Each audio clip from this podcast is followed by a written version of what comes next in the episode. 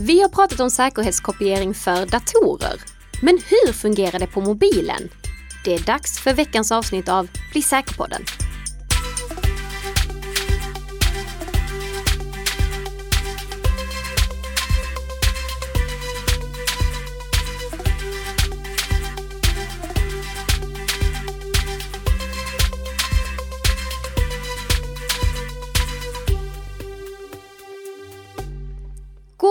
God morgon, Nika! God morgon, god morgon Tess! Och god morgon till eh, våra lyssnare på den här första majdagen. Precis, ute och demonstrerar och lyssnar på Bli säker-podd. Ja, det är fantastiskt. Ja. Eh, och vi kommer faktiskt direkt eh, kliva in på att prata om eh, några säkerhetsnyheter. Mm. Men först vill vi säga att den här podden produceras i samarbete mellan Nika Systems och Bredband2. Woohoo! Woohoo! Eh, ska vi sätta igång Nika? Ja, Ja, vad har vi på eh, uppdatering på att eh, spåra corona? ja, vi har fått lite feedback där och det har hänt lite saker. Så eh, vi börjar med att eh, återkoppla till förra veckans avsnitt. Om ni inte lyssnat på det så lyssna på det först innan ni lyssnar på det här. Apple och Google har släppt en eh, revision av den här standarden. Så nu, de har släppt version 1.1 nu. Och jag kollade igenom den och det är lite förändringar. eh, Men egentligen bara två förändringar som påverkar det som jag sa i förra avsnittet. Okej. Men vi, vi tar och för in dem så att de finns med här. Eh, Först och främst har de bytt namn på tekniken till Exposure Notification. Så att Oh. vi inte har med eh, tracking eller tracing i och med att det kan klinga lite farligt. Lite, lite dumma associationer kanske Ja, där. Mm. precis. Eh, Och sen så har de ändrat så att dagsnycklarna slumpas fram istället för att de beräknas fram. Mhm. I förra veckans avsnitt då berättade jag ju att du har din huvudnyckel som slumpas fram och sen så beräknar du fram dagsnycklarna genom att kombinera din eh, eh, huvudnyckel med datumet på ett sätt som inte går att räkna baklänges. Just det. Eh, Jag vet inte varför de har ändrat det här. Det blir lite mera spara på mobiltelefonen, men det är fortfarande pyttelite data.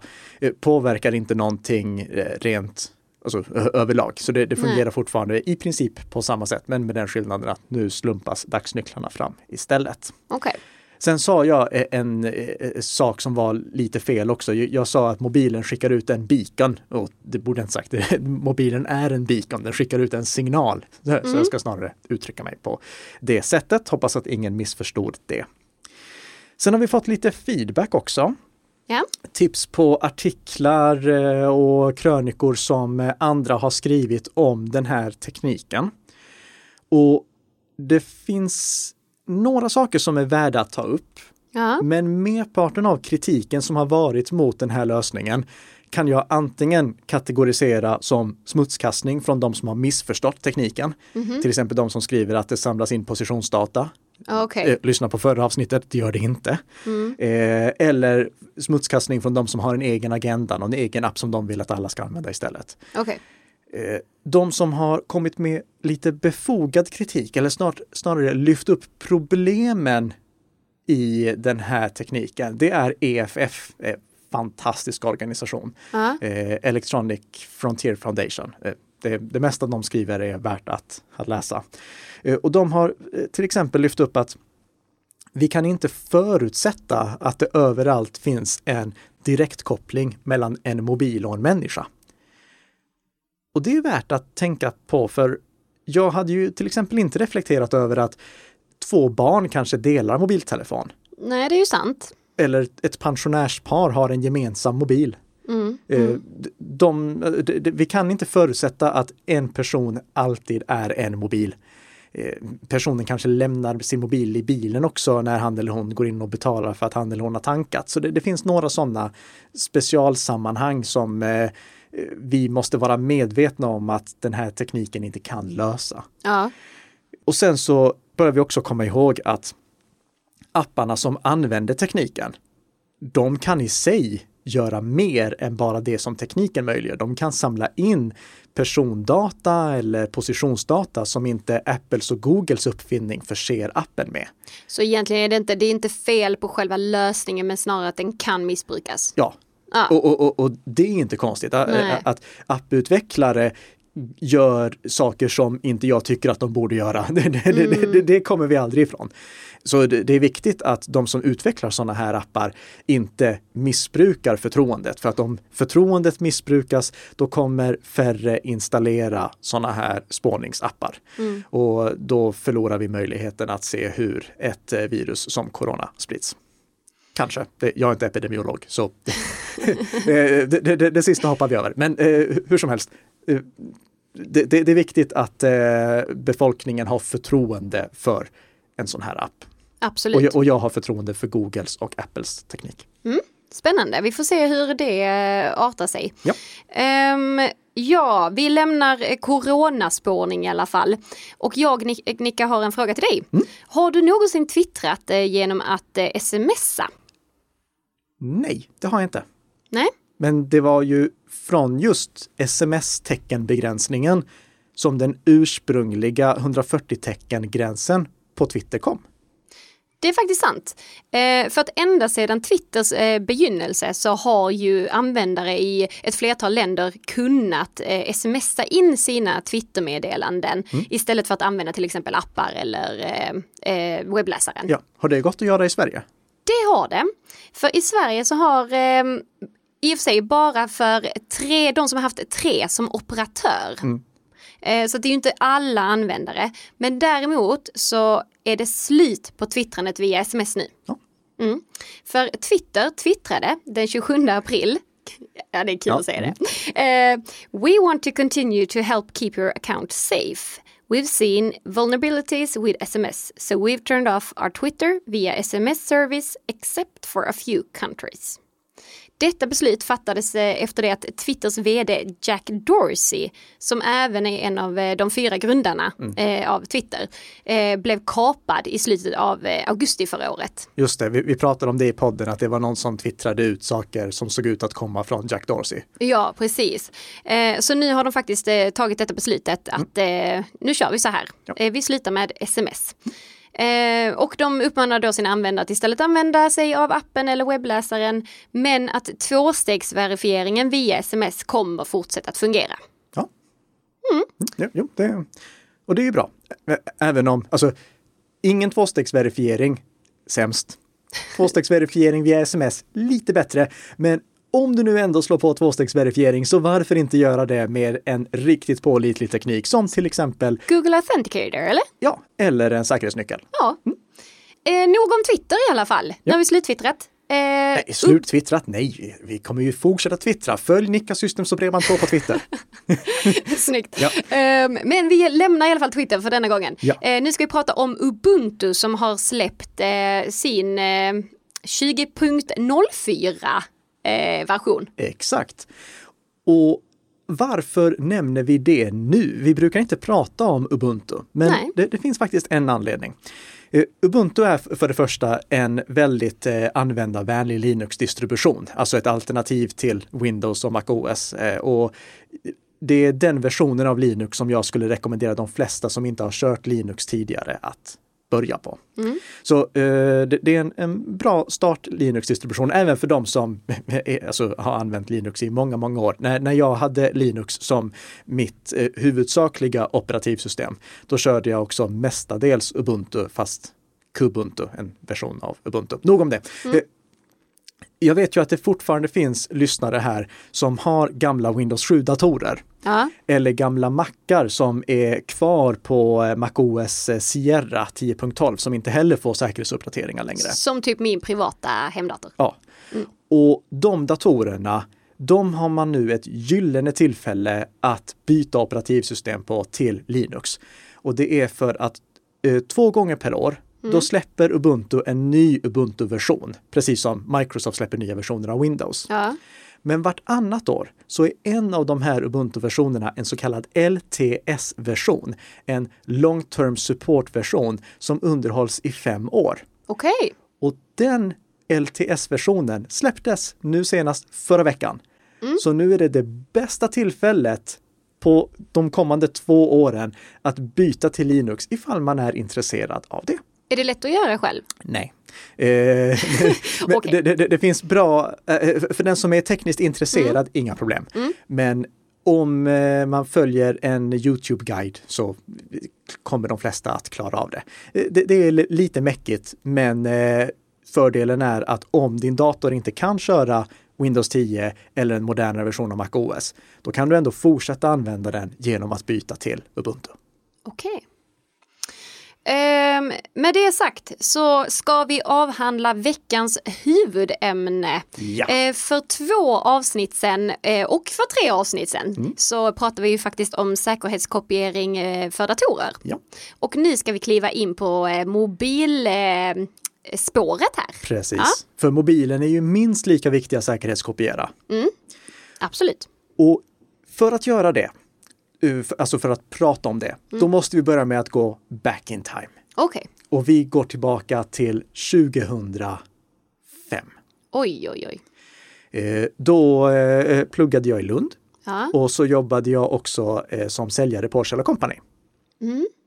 Och en av produkterna som vi sålde då, det var en simkorts backup-läsare eller en, en USB-läsare för simkort så att man skulle kunna ta eh, backup på sitt simkort. Okej, okay, hur funkar det? Eh, ja, det, du, du plockade ut simkortet ur din mobil, satte det i USB-läsaren och kopplade in i datorn. Aha, mm. Frågan skulle jag snarare säga är varför i hela friden ville man göra det? och jo, för att på den tiden då var det egentligen bara en sak du hade på din mobiltelefon som liksom var riktigt värdefullt. Mm. Och det var dina kontakter. Just det, det är sant. De sparade du då till exempel på ditt simkort. Och eh, om du ville ha backup på den kontaktlistan, då var det så du tog backup på den. Eh, jag kan säga vid det här tillfället, alltså 2005, då hade man även börjat föra över musik och så till sin mobiltelefon. Men det var liksom ändå kontaktlistan som var det viktiga att, att ha mm. backup mm. på. Eh, jag vet inte hur många gånger jag fick notiser sen på Facebook under de kommande åren där någon skrev eh, Jag har tappat bort min mobil, jag har inte kvar ditt nummer, kan du skicka mitt nummer, ditt nummer till mig? jag tyckte ändå det, var, det pågick en ganska lång tid. Ja, orimligt lång tid. Ja, faktiskt. Men nu så har vi ju hela vårt liv i mobilen. Med en liten asterisk. Okay. För egentligen så har vi bara en kopia av vårt liv i mobilen. Mm -hmm. Det är väldigt lite vi lagrar i vår mobiltelefon egentligen. Nu får du nog ta och utveckla detta. Ja, och jag tänkte ta din mobiltelefon som exempel. Okej, okay, ja, vi kör. Ja, för i den så hittar jag dina kontakter. Mm -hmm. Men de har du ju egentligen inte lagrat i din mobil, utan du synkar dem med, jag tror att du använder iCloud. Det stämmer. Ja, så eh, du synkar kontakterna med iCloud. Mm -hmm. de, de, ligger inte egentligen, så de ägs inte av din mobil. Så varken på simkortet eller på mobilen? Nej. Nej. Eh, de är bara temporärt lagrade på mobilen, men byter du mobiltelefon då kan mm. du synkronisera ner din kontaktlista dit igen. Mm. Eh, din kalender, den synkroniserar du med eh, Google Calendar. Ja, eh, precis. Så den blir du inte heller av med ifall du blir av med din mobil. Nej. Din mail, den synkroniserar du med Gmail. Stämmer det med? Du laddar inte ner alla dina mejl till din mobiltelefon och lagrar dem där permanent utan Nej. att ha dem kvar i molnet. Mm. Men om vi backar tillbaka till hur det var på nu måste vi längre tillbaka än 2005, men i början av 2000-talet, mm. då använde vi framförallt en teknik som hette POP3. Och då lagrade du inte dina mejl på en mailserver utan du laddade ner dem till din dator eller till din mobil så fort som du hämtade dem. Så Aha. var de borta från mailservern. Och det var för att den populäraste e-posttjänsten på den tiden, Hotmail, mm. lät dig lagra två megabyte med mail. Okej. Okay. Och jag, jag sa inte fel nu, två megabyte med mail. Wow! ja. okej, okay, så du var tvungen att ha dem eh, lokalt på datorn då? Ja, och, mm. och sen kom Gmail och sa okej, okay, spara alltid alla dina mejl hos oss bara. Du har oändligt med, eh, oändligt med utrymme och så räknades det upp hur mycket utrymme du hade. Det, det, ja, det förändrades väldigt mycket då. Mm. Eh, låt oss fortsätta, musiken. Du använder Spotify. Det gör jag. Ja, så du har möjligtvis nedladdat lite alltså, musiker, äh, musiker. låtar som du ska kunna lyssna på när du är offline. Precis. Men du streamar ändå merparten. Det jag. Samma sak gäller filmer, du streamar dem från Netflix. Exakt. Dina anteckningar, de har du inte i ett anteckningsblock som bara finns på mobilen, utan du har dem i OneNote. Mm. Dina dokument, de ligger i Google Docs. När du ritar på din surfplatta, då lagras dina teckningar i Creative Cloud. Mm. Dina appar, de hämtar du automatiskt från App Store. Eh, Du behöver inte hålla på och föra över Nej. appar till din mobil när du tar och skaffar en ny sådan, utan du laddar bara ner dem igen från App Store. Mm. Eh, Dina lösenord, de har du i LastPass. Eh, Så du, Mm. du, all, allt det säkerhetskopieras också. Det enda som du kanske inte säkerhetskopierar fullt ut, Får jag gissa? ja, Bilder. bilderna är det som fortfarande är inte fullt säkerhetskopierat hos alla. Och det är väldigt allvarligt för bilderna är ju det absolut viktigaste, ja, okej lösenorden kanske, men det, det är bland det viktigaste vi har. Vi kan inte på något sätt få tillbaka bilder som vi tappar bort. Nej. Det, vi kan inte bara liksom ladda ner bilderna från Spotify igen, utan blir vi av med bilderna, då eh, har vi inte kvar dem helt enkelt. Nej, det är tråkigt. Därför måste vi fundera på hur vi säkerhetskopierar våra bilder. Mm. Och det har vi kunnat göra på väldigt många olika sätt. Eh, backar vi tillbaka till första iPhonen då fick vi koppla den med USB-kabel till vår dator och synkronisera med det fruktansvärda programmet iTunes. Och jag tycker aldrig att det riktigt fungerade. Nej. Och på Google-fronten, då var det nästan lika mäckigt. Så Då fick du antingen använda utforskaren eller Finder för att kopiera ut bilderna. Mm. Eh, Funkade nog bättre i och för sig ändå. Men okej, eh, det, det var omständligt. Mm. Eh, Apple försökte sedan lösa det genom Mobile Me. Det kommer inte jag riktigt ihåg vad det är. Det ska du vara glad för ja, kan jag säga. Jag mo- förträngt det. ja, eh, och, och om du tyckte att synkroniseringen med iTunes fungerade dåligt så var det ingenting mot hur dåligt Mobile Me funkar. Mobile Me det efterträdde Apples ursprungliga molntjänst som hette .Mac eh, och eh, sen så ersattes det av iCloud. Men.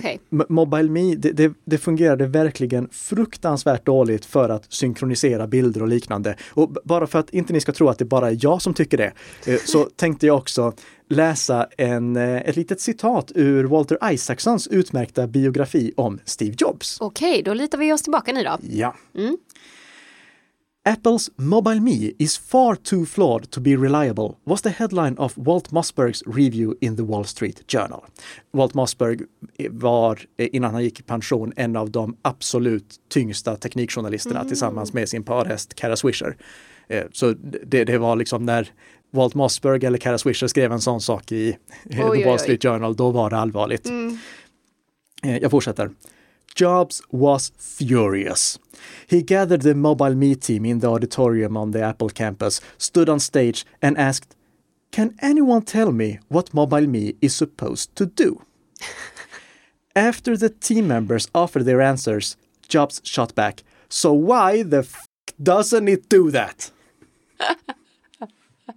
Fantastiskt. Ja, Vilken, vilken jädra bra tjänst det låter som. Ja, den var alltså snudd på värdelös.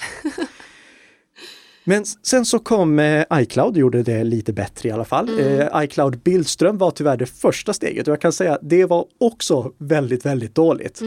iCloud Bildström byggde på principen att du hade flera eh, Apple-enheter som Okej. var uppkopplade till iCloud.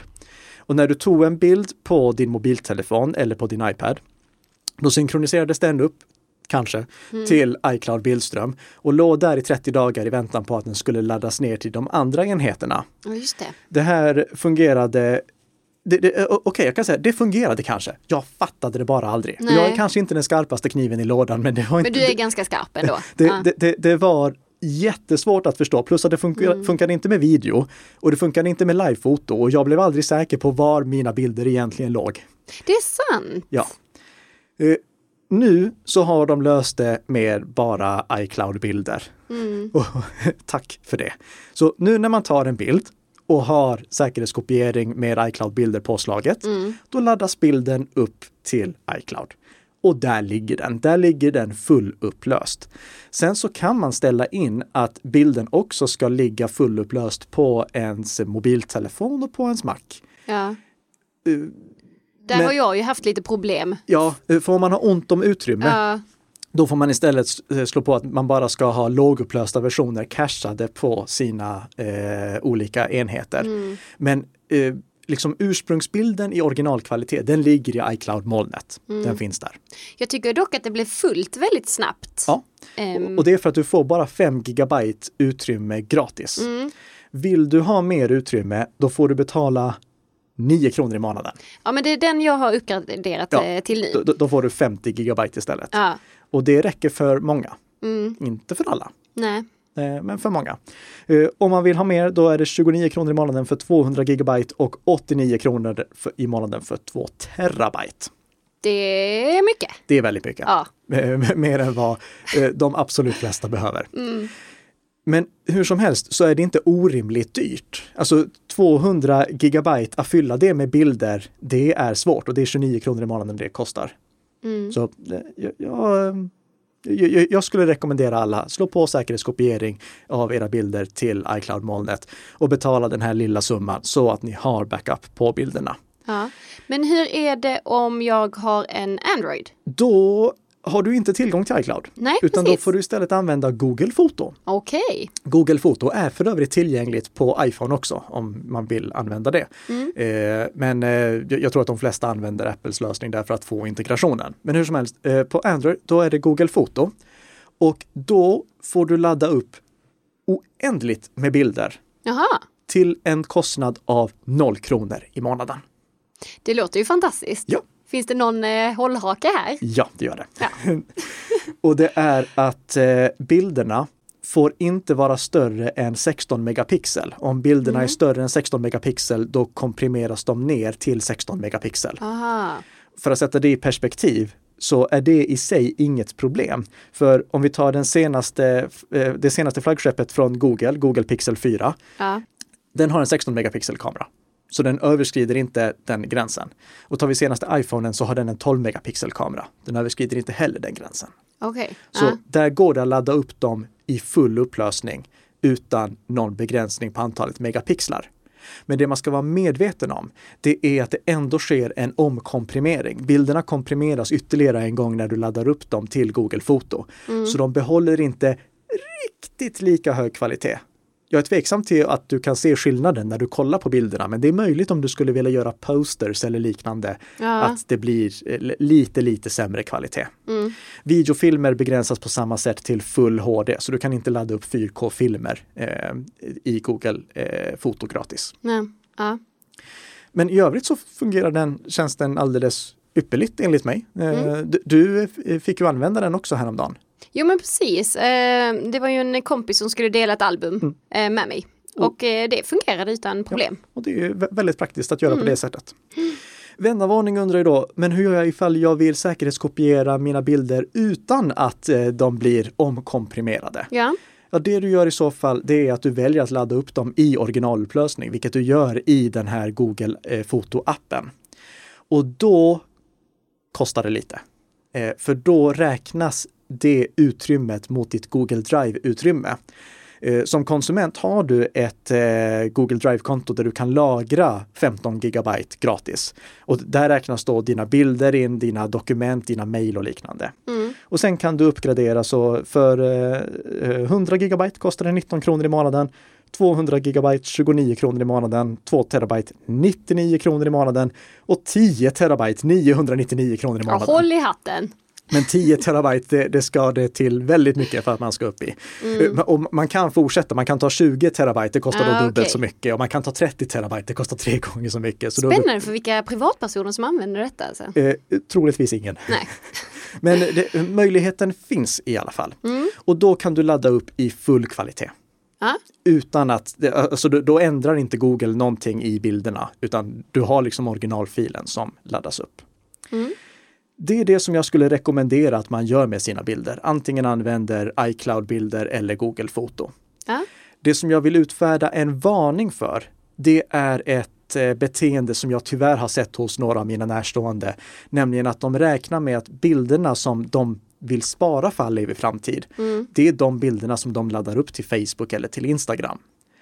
Men ladda inte, eller förlita dig inte på Instagram och Facebook för att spara dina bilder. För när du laddar upp en bild dit, då komprimeras de väldigt mycket. Alltså till skillnad från Google Foto så komprimerar eh, Instagram och Facebook bilderna väldigt hårt och Ja. sänker upplösningen också. Mm. För att de ska vara anpassade för mobilen. ja, just det. Så även om du kan exportera ut alla dina bilder från ditt Facebook-konto, vilket jag rekommenderar att man gör, eh, mm. så att man har en, en backup på det också, eh, så är det inte någonting man ska göra för arkivering. För om man har laddat upp bilden till Facebook en gång, när man sen hämtar tillbaka den, då är den sönderkomprimerad. Alltså ja. den är bara gjord för att kunna visas bra på en mobiltelefon, inte för att kunna göra en plansch eller någonting sånt med. Nej, det är bra, bra eh, tankar här. Ja, mm, så absolut. spara era backuper, eh, eller spara era bilder i iCloud eller Google Foto. Det, mm. det, är det absolut enklaste. Eh, eller hitta på någon annan lösning, men se till att ha backup på dem i alla fall. Och som vanligt rekommenderar jag att man sen också någon gång då och då ser till att ha en extra backup på sitt eh, fotoalbum. Så till exempel ladda ner alla sina iCloud-bilder till datorn och lägger dem på en extern hårddisk. Ja. Utifall iCloud skulle börja Mobile Mia sig. Mm. Snyggt. Mobile Mia, det är en ny term. Men bra. Eh, Hör och häpna, vi hinner med en veckans lyssnarfråga. Just det, det hade vi inte förra veckan. Nej, det hade Nej. vi inte. Eh, och det har kommit in en fråga från Jonas via Twitter, apropå Twitter. Mm. Eh, och han skriver, Hej! Hur vet man att ens VPN-leverantör inte avlyssnar trafiken? Till exempel dekryptera vid sina servrar och sedan kryptera på nytt. Kinesiska staten och CIA vore exempel på aktörer som skulle vara intresserade av det. Går det att veta till 100 procent? Nej. Så ja, Jonas, då tackar vi eh, Nicka för det härliga svaret. Ja, nej men uh, skämt åsido. Uh, först och främst måste vi tänka på vad är det som din VPN-tjänsteleverantör kan se? Mm. Och när du ansluter till en sajt på internet utan att använda en VPN-tjänst, då kommer du ju med högsta sannolikhet, i alla fall om det är en modern sajt, att ansluta via HTTPS, säkra HTTP. Du har ett hänglås i adressfältet. Mm. Det innebär att du krypterar din eh, du har en krypterad anslutning mellan dig och webbservern som du ansluter till. Ja. När du skickar trafiken genom en VPN-tunnel, då skickar du den krypterade trafiken genom en krypterad VPN-tunnel. Mm. Och det innebär att om VPN-tjänsteleverantören skulle avlyssna trafiken, då kan de bara se att du skickar krypterad trafik till sajten som du ansluter till. Men inte själva innehållet? Nej, liksom. de, de, kan se mängden och de kan mm. se att du ansluter dit, men inte mer än så. Det är det de kan komma åt. Om det inte är så att eh, du ansluter okrypterat, för det, det, som skickas okrypterat, det kan de se rakt upp och ner. Ja.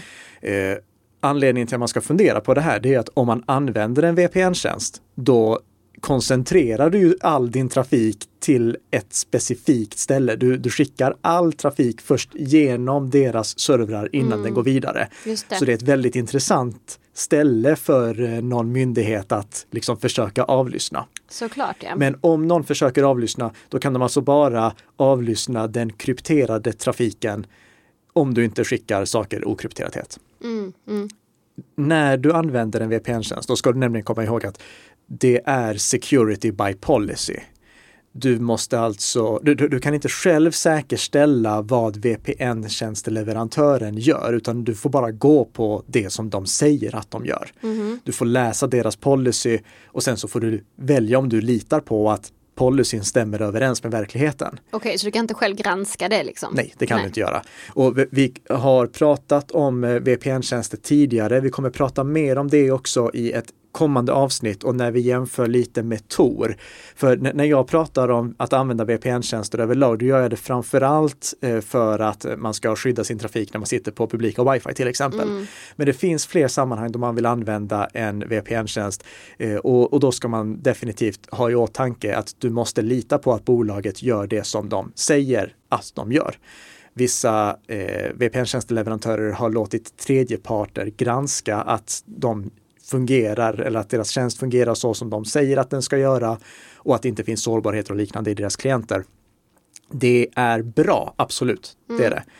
Men det är fortfarande ingen garanti för att det är så det fungerar en månad senare. Nej. Så det, det, du, du måste fortfarande lita på att din VPN-tjänstleverantör gör det de säger sig göra. Och därför tycker jag att det är minst lika viktigt att du väljer en VPN-tjänst från ett bolag som du litar på som att de har en tekniskt bra grund att stå mm. på. Mm. Okej. Okay. Eh, vi hoppas att Jonas är nöjd med det svaret. Ja, och ja. prenumerera annars på podden för mer information om VPN, mer information om WireGuard, för övrigt en nyhet också okay. i Ubuntu 2004. Ja. Eh, och eh, Tor och massa annat kommer i de kommande avsnitten av Bli säker-podden som gör dig lite säkrare för varje vecka som går. Jonas, du får Bli säker-boken också som tack för att du bidrog med veckans lyssnarfråga. Ja, och om det är någon av våra lyssnare som vill ha lys äh, lyssnarboken tänkte jag precis ja. säga. Eh, bli säker-boken så är det bara att skicka in sina lyssnarfrågor till oss. Och det kan jag säga, det är bråttom att göra det nu för nu är nästan lagret slut. Oj, sådär. Mm, ja. Så skicka in, skicka in. Ja. Mm. Gott, tack så jättemycket för att ni har lyssnat den här veckan. Ha det gott! Hej då!